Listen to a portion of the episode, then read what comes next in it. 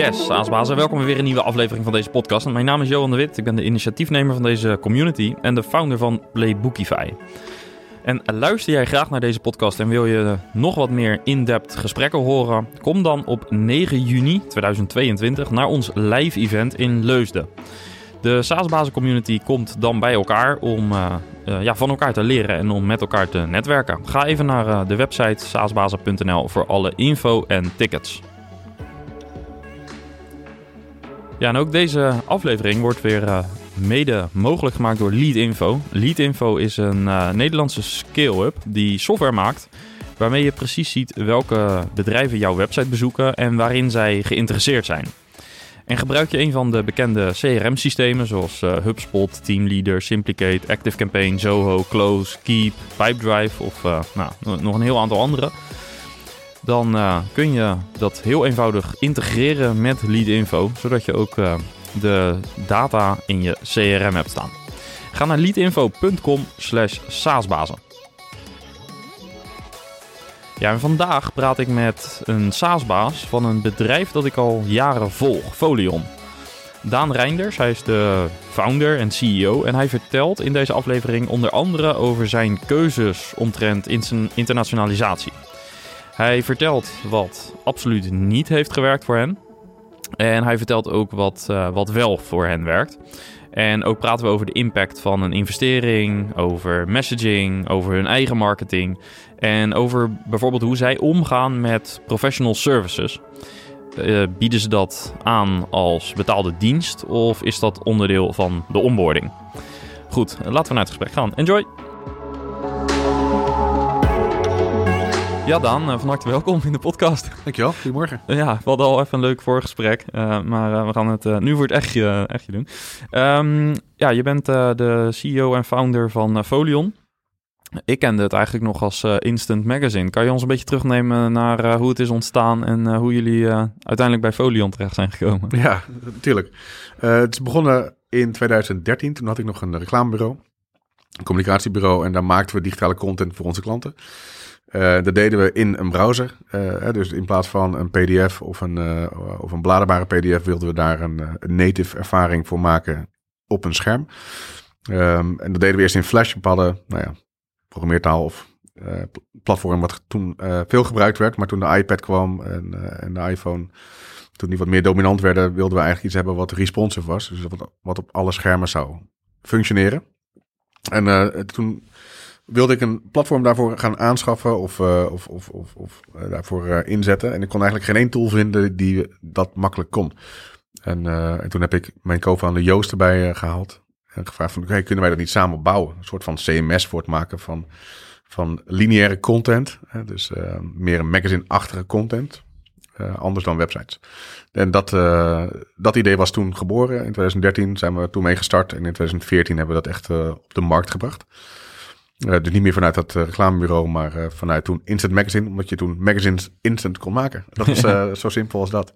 En later hebben we dat omgebogen naar, naar Folion, omdat eigenlijk de toepassing veel breder was dan magazines. klanten gingen ook brochures maken en e-books en whitepapers en jaarverslagen.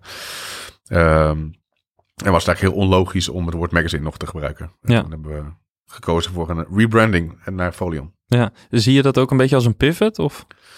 Ja, ik, ik, denk dat het wel een pivot was. Het is in ieder geval wel een, belangrijk moment geweest in, uh, in onze uh, historie, zeg maar. Dus het was eigenlijk een, veel logischer uh, om qua positionering. En, maar we hebben niet een, een hele grote pivot gemaakt in het platform zelf. Nee. Ja, zoals heel veel SaaS-bazen ben je dus ook een agency-baas geweest. Ja, precies. ja, ja. ja nou, dat is herkenbaar. Um, en kun je een beetje schetsen waar jullie vandaag staan? Ja, we zijn uh, momenteel met ongeveer 140 medewerkers. En we hebben ons kantoor in uh, ons hoofdkantoor in Amsterdam. En we hebben een kantoor in New York met uh, bijna 25 mensen. En dan hebben we nog drie development teams in Servië. dus dat is waar we nu staan. Ja, en nou, dat is een van de thema's voor vandaag natuurlijk. De, de, stap naar de VS. Ja. Um, jullie hebben gekozen voor New York. Um, misschien waarom de VS en waarom New York specifiek? Ja, precies. Nou, ik denk dat de stap voor VS was de UK. Uh, dus we hebben altijd een inbound uh, marketingmodel gehad, waarbij we nou, via Google en, en paid social en paid search probeerden we traffic naar ons site te halen, trial accounts activeren, op te volgen en klanten te onboorden. En dat was vrij makkelijk om dat de stap te maken naar de UK. Uh, eerst de UK salesmensen aangenomen in Londen. Later hebben we ervoor gekozen om die in Amsterdam te laten werken. Uh, dus Britse mensen in Amsterdam om de UK-market te targeten. En, en daarna was het ook vrij logisch, omdat we toch alle content al in het Engels hadden. Om wat experimenten te doen met campagnes in de US. Nou, tijdsverschil technisch eerst aan, aan, de oostkust getarget. En we hadden best wel wat internationale klanten in Amsterdam en in, in de UK. die ook in de US zaten. Dus die ben ik gaan bezoeken en kijken of we ook hun konden helpen. dus dat was eigenlijk de eerste de fase. En, ehm, en toen zijn we Onder andere de organisaties zoals The Next Web uh, zijn we op events terechtgekomen in New York. Uh, er is best wel een goed supportnetwerk in New York voor Nederlandse bedrijven. Uh, dus we zaten toen in een coworking space bij Amsterdam. Die waren toen bezig met een, met een kantoor in, in de Navy Yard in Brooklyn, New York op te zetten. nou ja, wat ik zei, events vanuit The Next Web mochten we bezoeken, mochten we daar pitchen, konden we ons product een beetje valideren. Uh, en, en toen uh, veel in, contact geweest met het Nederlands consulaat. Uh, die ook allerlei support leveren aan Nederlandse staatsbedrijven. alle serviceorganisaties, advocaten, allemaal Nederlandse advocaten die allemaal in New York zitten en Nederlandse softwarebedrijven ze helpen. Dus het voelde eigenlijk heel logisch om New York te kiezen. Is een, een, een, een, toegankelijke stad, zes uur vliegen, zeven uur vliegen. Um, en het is wel een relatief dure stad. en, dus dat is misschien een nadeel wel heel leuk om te bezoeken. Uh, ook belangrijk. En we hebben, uh, we hebben ook best wel veel klanten in New York. We targeten toen de tijd ook nog best wel veel agencies. Uh, en, en onze kerndoelgroep zijn marketingafdelingen. En er zijn best wel veel marketing hoofdkantoren in New York. Dus nou ja, als voorbeeld YouTube is natuurlijk niet een bedrijf wat uit New York komt. Maar het marketingteam zit wel in New York. En dat is van heel veel bedrijven zo. Dus het, het, voelde toen heel logisch om New York te kiezen. Ja, en je noemde het al, uh, de, ja, Londen eigenlijk als tussenstap. Ja. Um, eerst met mensen in Londen, later de Britse salesmensen naar Amsterdam gehad. Um, hoe heeft dat proces eruit gezien en wat was de reden ervan om het op die manier te doen? Ja, een goede vraag. De, uh, de salesmensen, kijk, we begonnen met een, met een account executive uh, in, um, in Londen, die we vanuit Nederland supporten. toen wilden we ook andere mensen aan gaan nemen, dus BDR's en, eh, en extra AE's. En dan kwam eigenlijk de onboarding op zijn schouders terecht. Dus hoe meer tijd hij moest steken in het onboorden van nieuwe medewerkers, begeleiden, inwerken, hoe minder tijd hij kon steken in zijn eigen uh, salesprocessen. Dus dat was een beetje conflicterend. Uh, dus eigenlijk het, het support van uh, het opschalen van je salesorganisatie door alleen maar een enkelvoudig salespersoon is best lastig. Ja. en ik denk ook wel kosten. De Londen stuk niet uh, uh, niet goedkoop ook. Dus het was ook, ik denk wat makkelijker om vanuit Amsterdam op te schalen. Uh, maar het, voornamelijk het, het support vanuit naar marketing, ehm, onboarding, customer succes, professional services. allemaal in Amsterdam. was eigenlijk veel makkelijker om, om op te schalen hier. Ja, en hoe hebben jullie dat proces aangepakt in New York? Want daar zat je misschien met een soort gelijke uitdaging. Ja, New York is natuurlijk uh, meer tijdverschil, hè, dus zes uur. Dus het is, je hebt weinig, relatief weinig overlap. Je hebt in ieder geval wel overlap. Als je naar West Coast zou gaan, dan heb je in theorie geen overlap. als je de avond niet meetelt. Um, dus, uh, dus daar hebben we eigenlijk wel gekozen voor, voor lokale hiring. Um, net zoals dat we starten in Londen. En daar hebben we wel geleerd dat we niet op één paard moeten wedden. Het lastige natuurlijk van, ja, als je één salespersoon aanneemt en het werkt niet, is het dan dat salespersoon uh, en ook qua support voor hem of haar. als je helemaal in je eentje op zes uur afstand uh, zit te ploeteren, is ook niet ideaal. Dus toen hebben we voor gekozen om twee mensen tegelijkertijd aan te nemen. Um, en uh, dat ze van elkaar konden leren, elkaar konden steunen, klein beetje competitie onderling zouden hebben. En dat was in theorie een goed plan.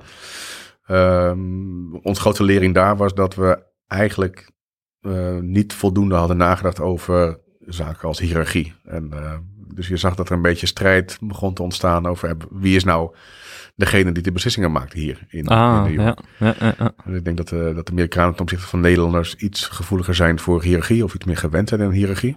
En, uh, en wie is verantwoordelijk voor wat en wie mag welke beslissingen nemen. Dus dat, dus dat, dat, dat, ja, dat was in ieder geval een van de learnings. En hoe heb je dat opgelost? Nou, uiteindelijk is een van de twee salesmensen vertrokken en hebben we een, uh, een, uh, een meer junior persoon aangenomen. Zodat degene, de salespersoon die er zat, dat Die werd zeg maar sales director in, voor US. En, en later hebben we een Nederlandse salesleider, Douglas, naar de US gebracht, verhuisd. En, en toen was hij duidelijk de leider. En, en dat, nou ja, dat, dat heeft ons enorm geholpen. Ja, dus hiërarchie is belangrijker om, uh, zeker daar als je gaat internationaliseren. Ja. Om dat goed, uh, goed in te richten. Ja. ja. ja. Duidelijkheid. ja. ja. En um, in, in, het begin zijn jullie bootstrapped, hè? dus vanuit jullie agency helemaal terug naar het begin um, hebben jullie uh, ervoor gekozen om geen, geen extern geld op te halen. Later wel. maar toen jullie naar de VS gingen, hadden jullie relatief gezien nog weinig funding. Ja. Uh, kun je daar iets over vertellen, over hoe dat uh, traject eruit heeft gezien en ja, waarom jullie op die manier in die fase al naar de VS zijn gegaan? Ja, we hadden best wel een, soort van lean model. Dus hadden, wat ik zei, een marketing gedreven inbound model. Klanten betaalden een jaar vooruit. dus qua cashflow was het best een slim, goed model. En ehm, we hadden op dat moment, ik denk, 1,25 miljoen euro opgehaald. Uh, en in 2017 zijn we met dat bedrag, zeg maar, uh, zijn we richting, uh, richting de US gegaan. Nou ja, best wel lean en mean. veel gefocust op marketing en of in ieder geval marketing generated pipeline. En, en, kon het ook best wel makkelijker schalen. Um, maar goed, achteraf denk ik dat het toch, het is niet een goedkoop, um, een goedkope exercitie of een Um, dat onderschat je snel. Je denkt, nou, als, ik toch een miljoen heb om daar de boel aan de praat te krijgen, dan, uh, dan, dan, dan moet ik toch een end kunnen komen. Maar dat is, uh, je hebt echt wel meer nodig dan dat. Hoe zou je dat nu met de wetenschap van nu, hoe zou je dat nu doen als zou je op deze stap weer willen zetten? Ja, ik denk dat het goed was om twee mensen tegelijkertijd aan te nemen. Dus dat zou ik eigenlijk weer doen, misschien iets meer. Ik zou toch uh, lokaal leiderschap meteen aannemen. Het liefst het liefst een Nederlander die ook daar een beetje de cultuur gaat bewaken en, uh, um, en eerstehands uh, feedback geeft. Dat vond ik op het begin een van de lastigste dingen. Wat, omdat je van mensen met een, met een commerciële pet op feedback krijgt op bijvoorbeeld je product of marketing. is best wel lastig om, om dan aan te nemen, hey, is dit nou echt zo? Of is dit gewoon een lucky shot? dus bijvoorbeeld ehm, salesprocessen. Kwam, uh, kwam een grote uitgever uit Amerika binnen als prospect. En dan moest een integratie maken met Eloqua. En sales, uh, mijn salescollega's konden dat zo uh, gewichtig pitchen naar mij van ah, Daan. Echt alles moet van de roadmap nu. Want we moeten nu die, die integratie met Eloqua maken. Want dit, dit, wordt gewoon, dit wordt gewoon de grootste materiële verandering in ons bedrijf. Dit gaat ons gouden bergen opleveren. Nou, noem het op. Um, en dan ben je ook al genegen om, ja, je wil die mensen ook ondersteunen. Weet je wel. Ze hebben een opportunity, ze kunnen, uh, ze willen versnellen, ze zijn gretig. Uh, maar ja, is dat nou echt de juiste input op de roadmap of niet? Uh, dus je krijgt best wel een enkelzijdig beeld van, uh, van de markt. En uh, dus ik denk dat het goed is om daar toch iets meer een ervaren leider neer te zetten die iets objectiever naar die markt kan kijken en, en niet zozeer vanuit zijn eigen processen denkt. Dus dat zou, dat zou mijn, mijn advies zijn om, om toch daar zelf te gaan zitten of, of een goede collega uh, er naartoe sturen. Ik heb daar zelf in de zomer van 2017 met mijn vrouw en drie kinderen een, uh, een week of uh, negen doorgebracht. Om de boel daar op te starten en te leren van collega's en klanten en eerste input te krijgen. Was echt een hele toffe ervaring en ook echt wel waardevol. En toen in december hebben we eigenlijk mijn collega die kant op, december het jaar daarop, mijn collega die kant op stuurt. En tot die tijd zijn we eigenlijk elke, nou ja, om en om, elke zes weken uh, vier tot zes weken die kant op gevlogen. Ja. ja, want ik was ook benieuwd naar jouw eigen rol, zeg maar, in dit proces. En nou, je schetst al, je bent best wel een tijd geweest. Dat, heeft, uh, dat vraagt natuurlijk wel even ook wat van je, ook uh, zeker als je gezin meeneemt. Um, hoe heb je dat ervaren toen je, da toen je daar was? Hoe, hoe heb je dat zelf ervaren? Ja, ik denk als je als, als ondernemer of als, als founder daarheen gaat, dan heb je natuurlijk best wel een hele duidelijke focus dat je daar de boel in de praat wil krijgen. Dus dan, ja, dan heb je energie over. En vind je eigenlijk alles tof. Dus het is wel anders, denk ik, uh, voor je partner als die niet die rol heeft. En als die niet die energie voelt. En als die niet die drive heeft om daar succes te maken. Dus je kijkt naar andere dingen. En dat is natuurlijk best wel een, een, een, een drukke stad en uh, veel... Uh, ja, nogal. Ja, precies. Dus, dus het staat zeg maar Want dit was voor corona. Dit was voor corona, zeker. Ja, dus, dus, dus dat was... Um, uh, vanuit mij was het gewoon ja, volle bak aan en te gek. en ik, ik zou me daar ook wel zien wonen. Maar um, nou ja, mijn vrouw vond het niet per se een, een plek om drie kinderen op te groeien. Op laten groeien. En dat begrijp ik ook heel goed. Ja. en daarom des te blijer dat mijn collega Douglas toen die kant op wilde. En dat wel als een uitdaging zag. Ja, en, en met wat voor opdracht heb je hem ja, daar naartoe gestuurd? Ja, ehm, nou ja, uiteraard om de organisatie op te schalen. We, Amerika is natuurlijk een groot land, hè, dus uh, met allemaal in basis dezelfde taal. Dus de, de, de marktopportunity is heel groot. En, uh, en uh, het is denk ik, als je het aan de praat krijgt, het, voor ons in ieder geval uh, zou het een van de meest uh, schaalbare markten moeten zijn. Dus dat was ook de opdracht aan, aan Douglas om het team uh, te laten groeien. Dus we hebben daar nou, het sales team vergroot, maar ook marketing mensen aangenomen, customer success, support. Geen development. dus, dus alle supportrollen rondom het salesproces en het bedienen van klanten hebben we daar aangenomen. En nu zijn we daar met ongeveer 25 man. En is het echt wel een substantieel deel van ons omzet. Dus ongeveer een kleine 40% van ons omzet komt nu uit de, uit de US. Wow. En dat is wel echt te gek dat we dat voor elkaar hebben gekregen. Ja. Dat is heel knap als Nederlandse bootstrap bedrijf. En ja, nu uiteraard wel wat funding natuurlijk gehad de afgelopen jaren. Maar ja. in de basis. Precies. Dus we hebben eerst zijn we gewoon, net zoals dat we gestart zijn, hebben gebootstrapped. En later hebben we in 2018 hebben we nou een grotere ronde van, van 4,4 miljoen opgehaald. Om, om echt US te gaan schalen. En doctors erheen sturen. Serieus te gaan investeren in marketing, events, mensen aan te nemen. En de salaris ligt gewoon een stuk hoger in Amerika dan in, dan in Europa. Um, dus je moet wel rekening houden dat de investeringen wel echt anders zijn daar dan hier. Ja.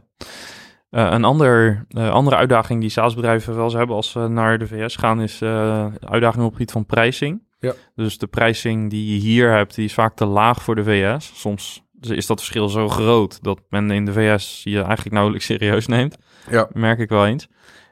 hoe is dat bij jullie geweest? Ja, een beetje trial and error. En uh, zoals ik denk altijd met pricing gaat. ja. Ooit een keer op, uh, uh, volgens mij, een event van The Next Web. Um, zei, ik dacht Seth Godin, die zei dat, zij, dat hun pricing strategy was pull it out of your ass pricing. en dat vond ik wel een mooie, een mooie, mooie, mooie omschrijving. Ja.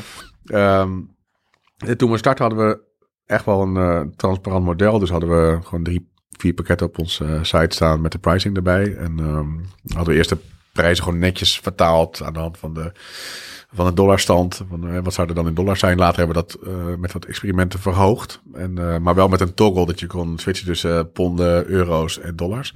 Toen waren we heel bang van, dat we dachten, ja, maar zo meteen als mensen dan gaan toggelen naar euro's en dan gaan omrekenen, dan zien ze dat de europrijzen een stuk lager zijn.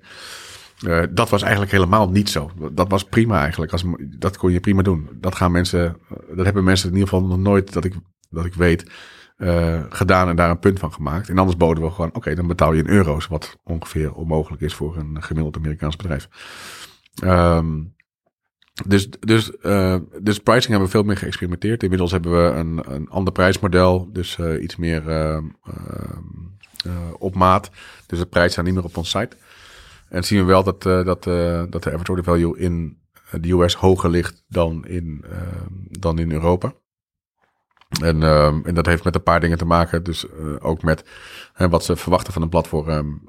Dus qua, zeker als je wat grotere bedrijven target, dan zit er al snel een procurement proces aan vast. Met redlining van je terms and conditions. Nou, dat staan we eigenlijk alleen maar toe in een grotere pakketten. Dus we zien dat de grotere deals, die komen in principe uit de US. Of uit de UK. En, uh, ja, dus, de, dus de, ik denk wel dat, de, dat het prijsverschil groot is. Ons average order value zit nu rond de 15.000 euro per jaar. En uh, in dollars is dat uh, 19.000 dollar ongeveer. En dan heb je dus ook daadwerkelijk echt andere pricing voor dezelfde functionaliteit.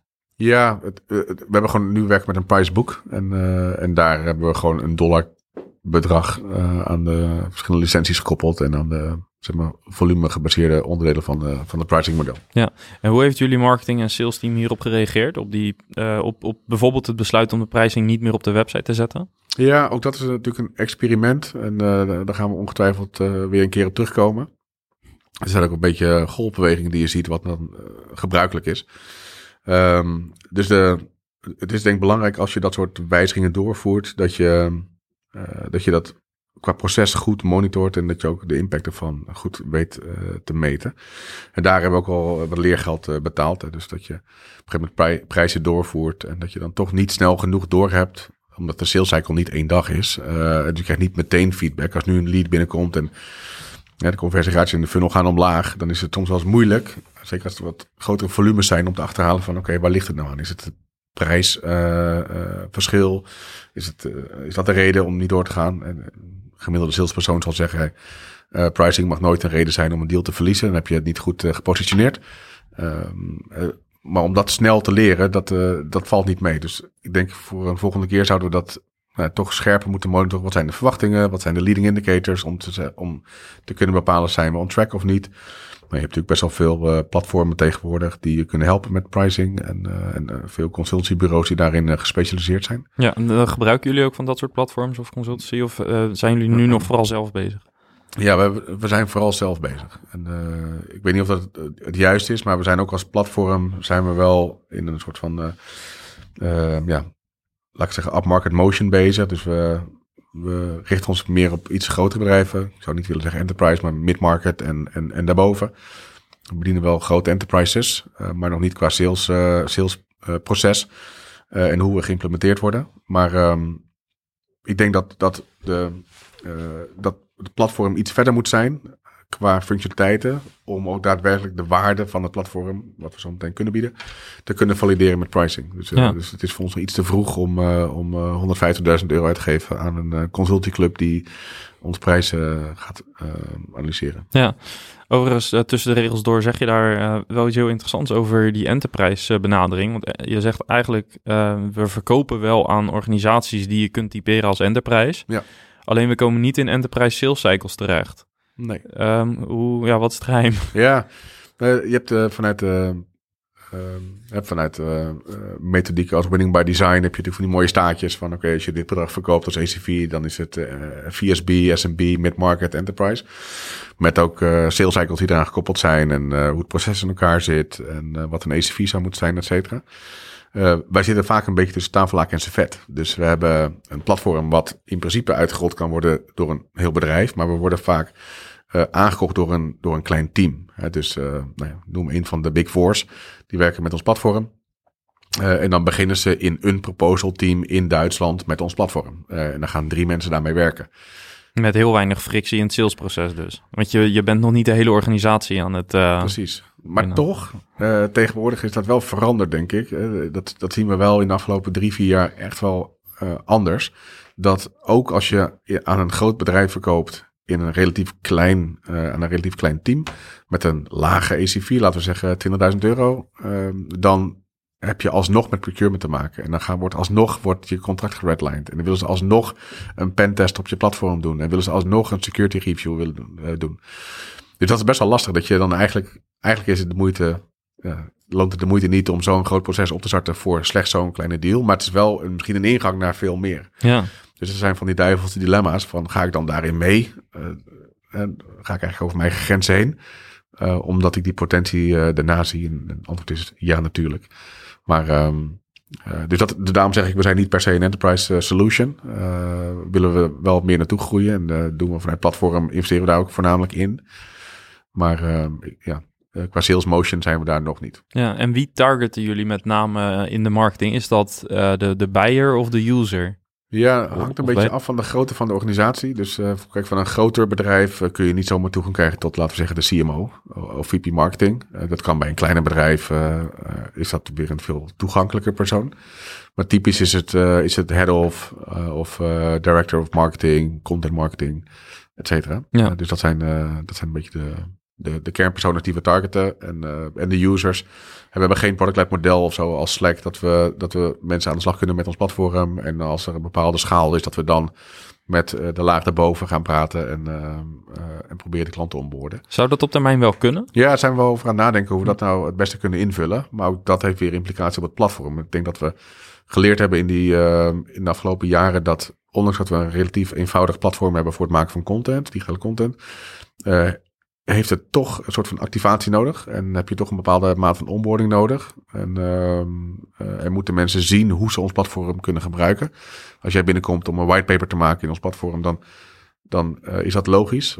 Uh, en daar, daar komen ze dan toe. Maar om dan te denken, hey, dit zouden we ook voor proposals kunnen gebruiken. Of ook voor ons report. Hey, we kunnen het ook voor sales processen en voor onze interne documentatie gebruiken. Dat zijn vaak andere afdelingen die niet per se met elkaar communiceren. Dus je moet toch op een of andere manier inspireren en, en, en die land and spend strategie echt goed definiëren. Um, ondanks de eenvoud van het platform. Maar als je echt product-led wil zijn, dan, dan, dan moet je nog wel een paar stappen nemen. Moeten wij nog wel een paar stappen nemen in de hele ervaring in het platform. En vooral ook uh, hoe we dan gebruikers vanuit andere afdelingen uit diezelfde organisatie op een platform krijgen. Ja. Beschouw je Folion ook nog wel een beetje als Blue Ocean product in dat kader? Want daar zit, de, gevoelsmatig zit het daar een beetje tussenin, hè? tussen Blue en Red Ocean. En als je nog heel erg in die Blue Ocean zit, is dit vaak ook lastiger om helemaal PLG ready te zijn. Precies. Dus we, dus, nou, we hebben het vaak over category, category creation. En uh, we hebben een paar concurrenten die worden steeds duidelijker eigenlijk. Uh, voornamelijk in de US en de UK. Dus uh, we weten ook steeds beter waarom we wel winnen en, waar, en wanneer we niet winnen eigenlijk. En, en alle partijen beginnen wel te praten over digital content experiences als categorie zou je kunnen zeggen. Uh, Gardner en Forster beginnen een klein beetje over te schrijven. G2 Crowd uh, begint een beetje die categorieën te krijgen. Dus eigenlijk is het een soort van categorie in wording. Um, maar we zijn eigenlijk een vervanger van de PDF. En, ja, dat is wel hoe jullie positioneren. Ja, precies. Dus maar zou, zou daar ook niet tegelijkertijd ook de, misschien de bottleneck zitten in de adoptie op de langere termijn? Dat jullie misschien over twee, drie jaar niet meer uh, in gevecht zijn met de PDF, maar juist um, de, de, de, ja, leiderschap aan het claimen zijn in de digitale contentplatforms. Precies.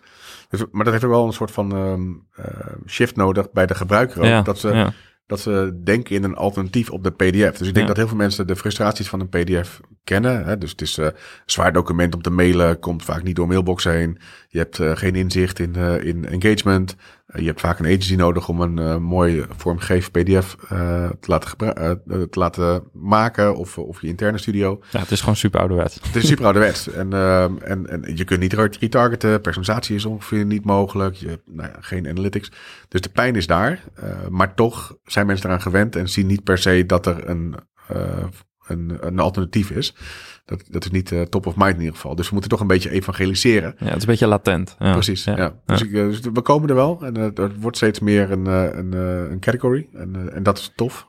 dus daarom willen we ook gewoon flink investeren in ons go-to-market en in het creëren van marktaandeel. We hebben nu iets van 1400 klanten wereldwijd.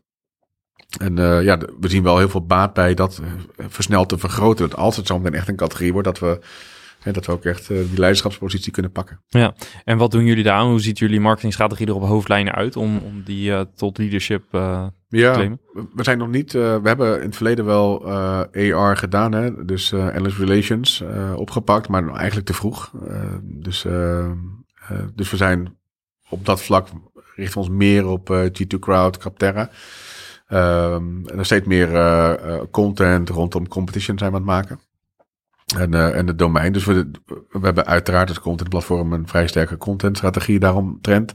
Dus we doen veel, uh, veel blogs schrijven daarover, uh, podcast, uh, een soort van onafhankelijk nieuwsbrief. we proberen op events te staan. maar het overgrote deel van ons, van ons marketingbudget gaat nu nog wel naar demand generation. Hm. Dus, dus echt om om MQL's te creëren. En, en, dan meestal op toepassingsniveau. We, we, hebben nu beetje een shift gemaakt van heel erg transactioneel, wat meer naar, naar paid social.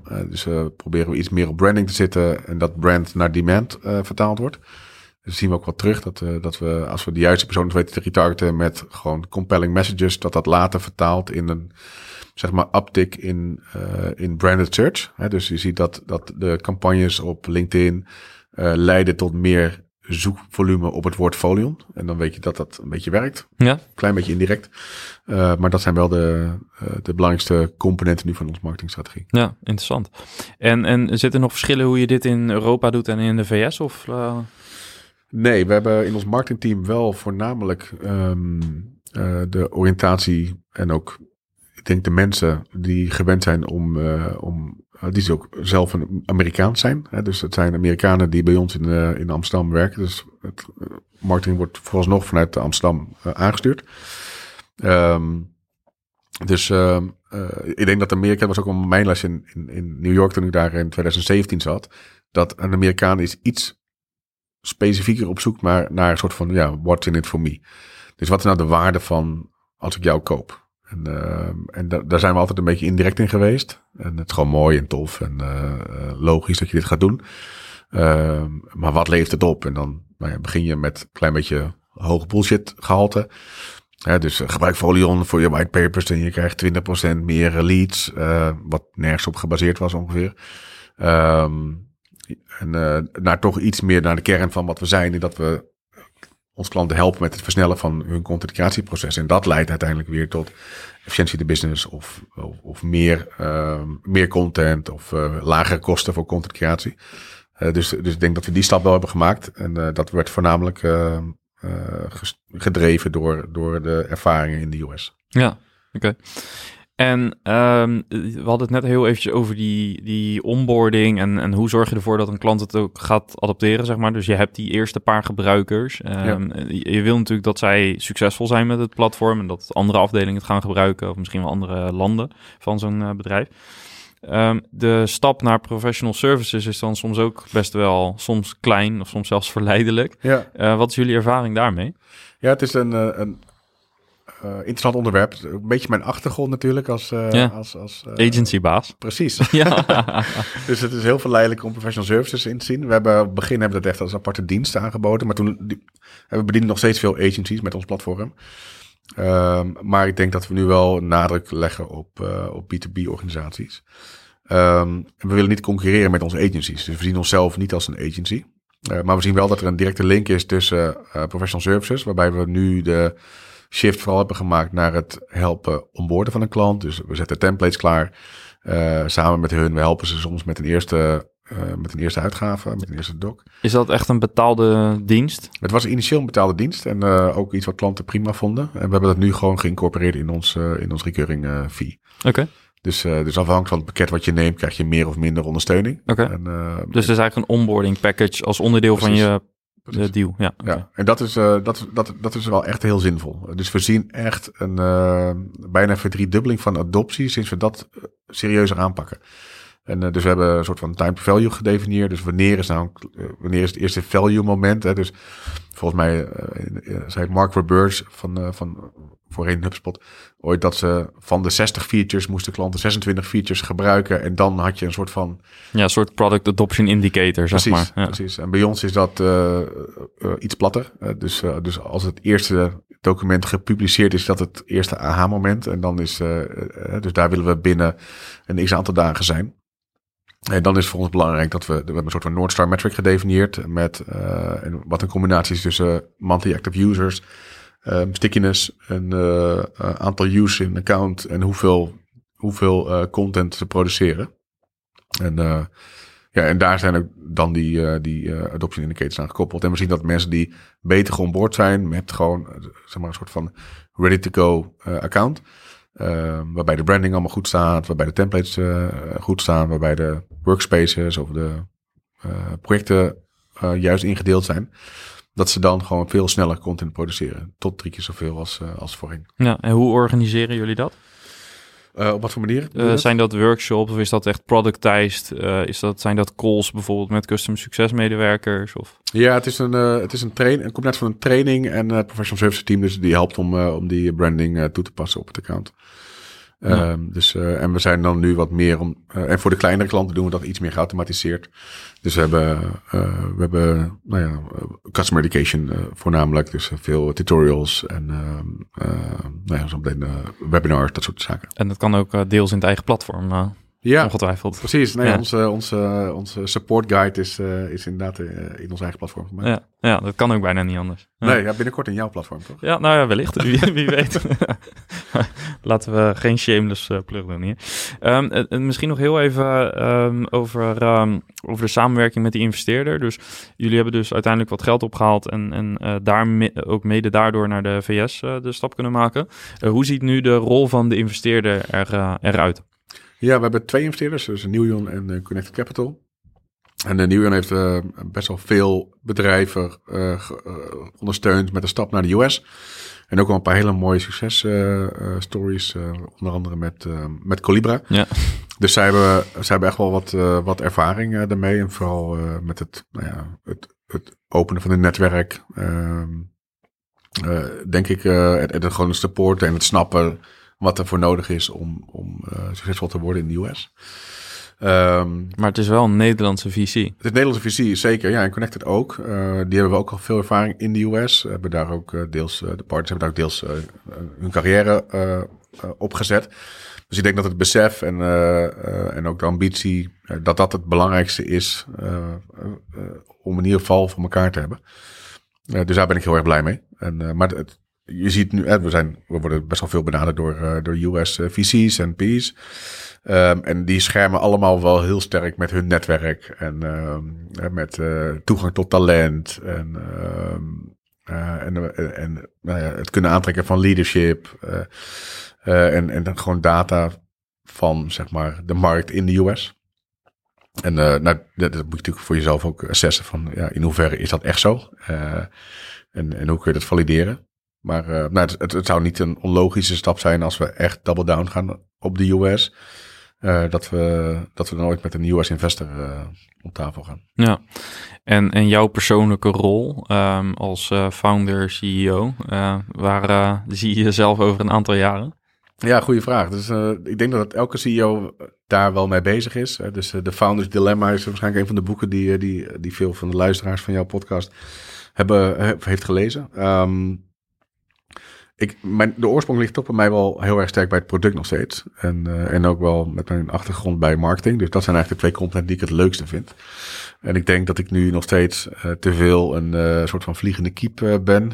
dus ik, ik probeer eigenlijk van alle afdelingen nog steeds um, sparringpartner te kunnen zijn. Um, we zijn wel op een schaalgrootte terechtgekomen dat, dat alle mensen die ik heb aangenomen in het leadership team, dat die op hun domein veel meer weten van dat domein dan ik dus dat is, uh, dat is in ieder geval het goede nieuws. En, uh, en ik denk dat dat ook de, de stap wordt voor mij om iets meer als een, nou ja, bestuurder klinkt zo saai, maar iets, iets, iets, toch nog iets meer de helikopterview te kunnen hebben. En, uh, en, en mezelf wat meer vrij te spelen om ook de, de stappen hierna te gaan definiëren. Ja. Ja, we zijn nu een uh, platform, we zijn, of, of ja, tool, platform, product met, uh, met een enkelvoudig product. Uh, ja, wat zijn de stappen hierna? Gaan we, gaan we use cases verbreden? Uh, gaan, we, uh, gaan we het content creatieproces verder helpen ondersteunen? Dan worden we een soort van workflow platform.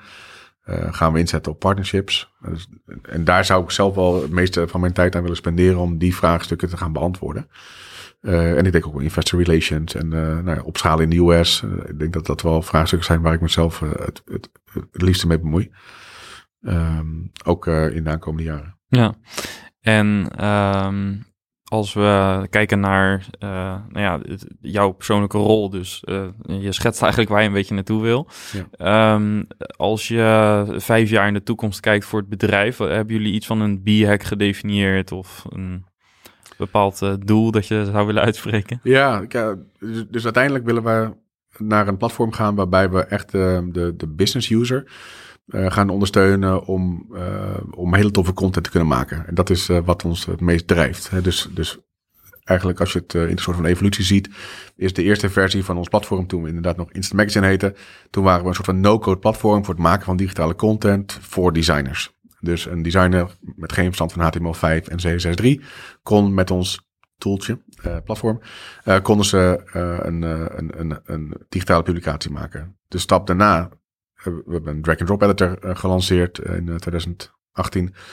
Uh, ehm, was het voor content marketeers eigenlijk mogelijk. Dus kon de designer kon zeg maar template bouwen in ons platform en de content marketeer of de marketing user die kon vrij eenvoudig zelf iets maken zonder per se afhankelijk zijn van zijn design teams.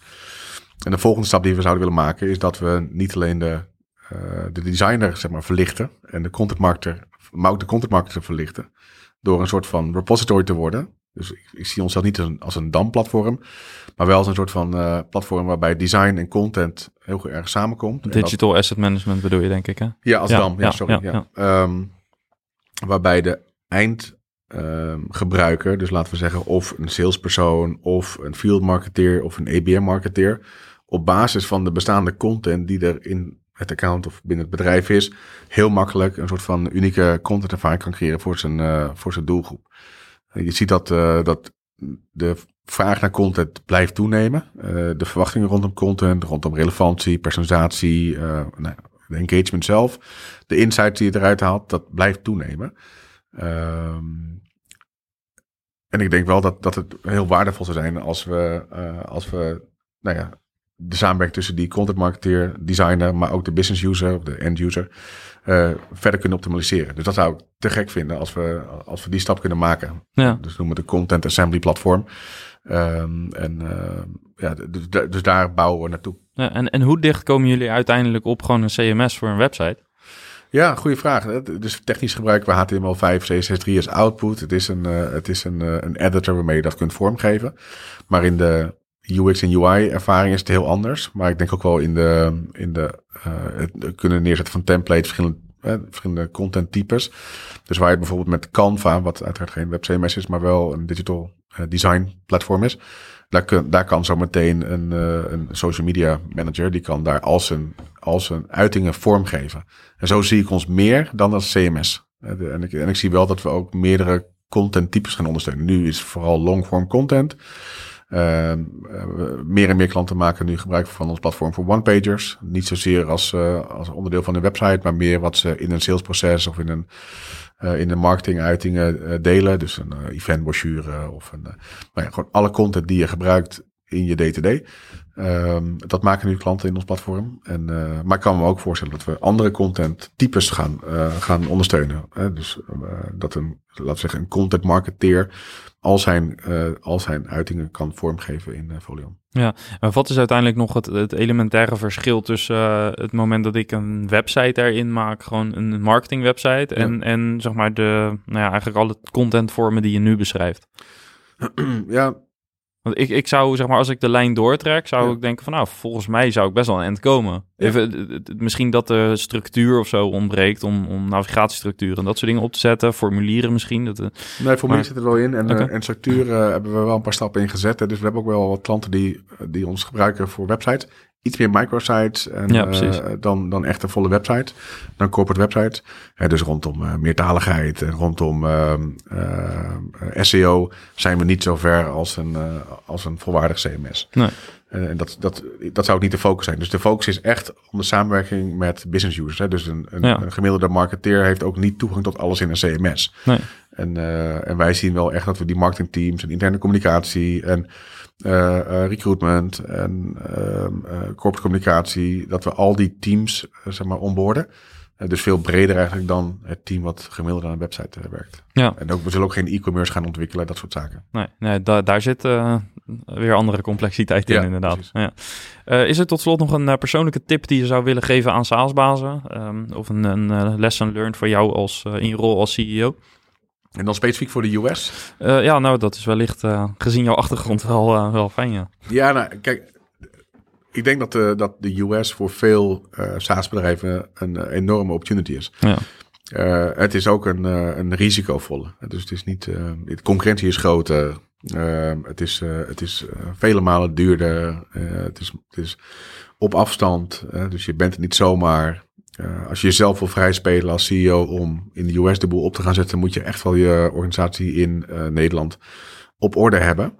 En, uh, en dat is iets wat je uiteraard onderschat. Dus als CEO, ja, tuurlijk doen we even iets erbij, zeg maar. Natuurlijk gaan we dat doen en, en je vindt alles urgent. En, maar dat echt goed opzetten is, denk ik, dat onderschat je heel snel. een van de lessen die ik, die ik ehm, heb geleerd, is dat in, dat het heel waardevol is om de salesprocessen, in ons geval omdat we echt commercieel zijn gestart in de US, uh, om die heel duidelijk te hebben. En, uh, en niet proberen heel veel nieuwe dingen op te zetten in de US, maar eigenlijk te kijken van hey, hoe doen we het nu in Europa of in Nederland? Uh, hoe ziet dat proces eruit? Dat ook echt uitwerken. En al die stappen en alle verwachtingen die je hebt van mensen die je daar aanneemt, heel, daar heel expliciet in te zijn. In Nederland zijn we, zijn we helemaal bij elkaar. Is het, nou ja, uh, wat informeler, denk ik. En, um, En is de aansturing typisch van hey, hier willen we naartoe. En dan gaan mensen zelf uitzoeken hoe ze daar gaan komen. In de US zie je dat je toch best wel vaak output gedreven bent. Uh, dus, uh, en, en, en de stappen die een salespersoon moet ondernemen. Hè, hoeveel activiteiten moet je hebben? Wie moet je gaan targeten? Wat wordt je propositie? Die playbooks, uh, ja. die echt tot in detail uitwerken. In, in plaats van, hey, dit is ongeveer de doelgroep. Dit is ongeveer de propositie. Je zou dit kunnen doen, je zou dat kunnen doen. Je zou deze bedrijf kunnen benaderen. Dit is ons database met klanten die we al bedienen in Nederland en in Engeland. Die zou je ook daar kunnen benaderen die vrijblijvendheid die we op het begin niet zoveel hebben toegepast, uh, daar veel strakker op te zitten. Dus heel specifiek zijn. Ja, dus als je kijkt naar, eh, naar US, uh, eh, naar PDR's bijvoorbeeld, ja, die worden echt afgerekend op een aantal activiteiten en op conversieratio's, daar echt scherp op zitten. dus dat, dat heb ik op het begin denk ik te, nou ja, te veel voor lief genomen en, niet hard genoeg op gestuurd. Uh, ik denk dat, uh, dat daar de verwachtingen rondom uh, career development, dus in Europa is dat natuurlijk in principe net zo, maar daar was het nog iets, iets explicieter. Hè, dus daar kwam ik met BDR's die bij ons werkten, die kwamen na drie maanden naar me toe van hey, wat is nu mijn volgende stap hier? hoe kan ik nu doorgroeien tot sales manager? En, ja. en dus die carrièrepaden daar heel veel duidelijkheid in geven en die ambitie constant blijven uitspreken. Ik denk dat dat, dat, dat belangrijk is voor, voor het opzetten van de US. Ja. En vooral met heel veel uh, ja, ervaren en, en, en ja, toch logisch nadenken en hard werken, schalen. Ehm, proberen er bovenop te zitten. En, en dat, dat kost echt veel tijd. Dus ja. je moet echt proberen om of jezelf helemaal vrij te spelen, of een collega waar, waar je, die je blind vertrouwt, daar lokaal te laten zitten zijn er genoeg verhalen van Nederlandse start-ups die naar de US zijn gegaan, die na, na, drie, vier maanden, vijf maanden, zes maanden of met meer enterprise focus naar negen maanden erachter kwamen dat, dat de hele pijplijn gewoon uh, niet reëel was. En dus wat zijn al die leading indicators voor succes in plaats ja. van close revenue? En, ja, super waardevol. Dankjewel voor het delen. Thanks. Ja, en via deze weg nogmaals dank Daan en wil je meer weten over Folion? Ga even naar uh, hun website of volg ze op social media. Wil je meer van dit soort gesprekken horen of liever bijwonen? Kom dan naar ons live event op 9 juni 2022. Dat is een middag met topsprekers en een gezellig informeel diner in de avond. Ik zou het super leuk vinden als jij er als uh, luisteraar ook bij bent. Voor nu weer bedankt voor het luisteren. Tot uh, volgende week. Ciao.